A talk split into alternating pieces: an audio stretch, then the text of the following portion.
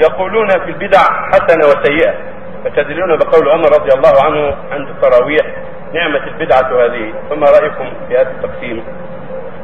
ذهب بعض أهل العلم إلى أن البدع تنقسم إلى أقسام خمسة وأنها تدخلها الأحكام الخمسة التحريم والوجوب والكراهة والاستحباب والإباحة ذهب إلى هذا جماعة وأنكر هذا آخرون من العلم وقالوا ليس في البدعه تقسيم بل كلها ضلال وهكذا قال قائد المسلمين وإمامهم كل بدعة ضلالة عليه الصلاة والسلام.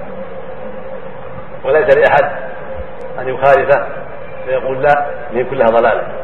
هذا جرأة على الرسول صلى الله عليه وسلم لا يجوز فعلها. النبي عليه السلام قال كل محدثة بدعة وكل بدعة ضلالة. هكذا قال عليه الصلاة والسلام وبين فلا يجوز لنا ولا لغيرنا أن نقول أن البدعة فيها ضلالة وفيها غير ضلالة.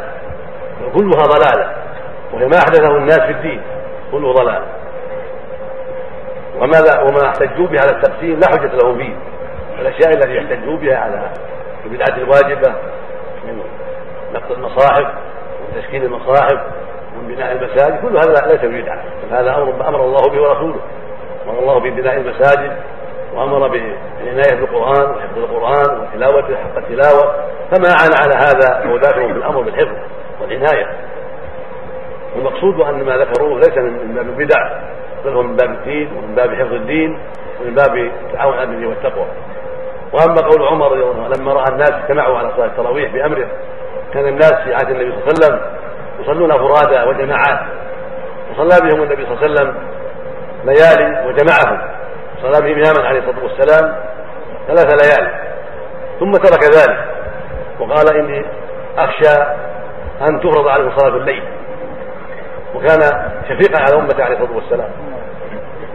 فلما توفي صلى الله عليه وسلم شغل الصديق رضي الله عنه وأرضاه بأهل الردة. وشغل بهم الصحابة رضي الله عنهم وأرضاهم.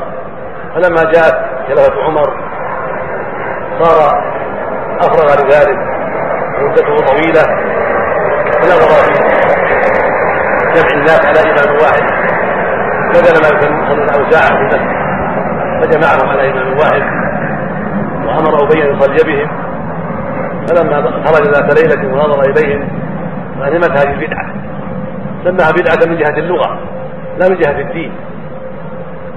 لأن بدعة اللغة ما كان على غير مثال سابق فمعنى انهم كانوا في السابق يصلون اوساعا ولم يجتمعوا على امام واحد فلما جمعهم غنمت البدعة التي يعني فعلها هو لهم يجتمعوا ويتعاونوا بالبر والتقوى فلان الرسول ما استمر عليه والسلام ما استمر عليها إنما فعلها ثلاث وترك فلهذا قال عمر هذه المقالة فهي مقالة له من جهة اللغة.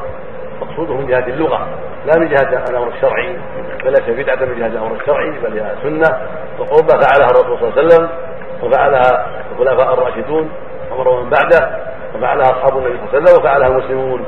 وحث عليها النبي صلى الله عليه وسلم قال من قام رمضان إيمانا واحتسابا غفر له ما تقدم من ذنبه. وقال من قام مع الإمام يعني في رمضان حتى ينصرف كتب له قيام ليلة. فدل على شرعية القيام وأنه يكون لها إمام وجماعة. فليس من البدعة شيء.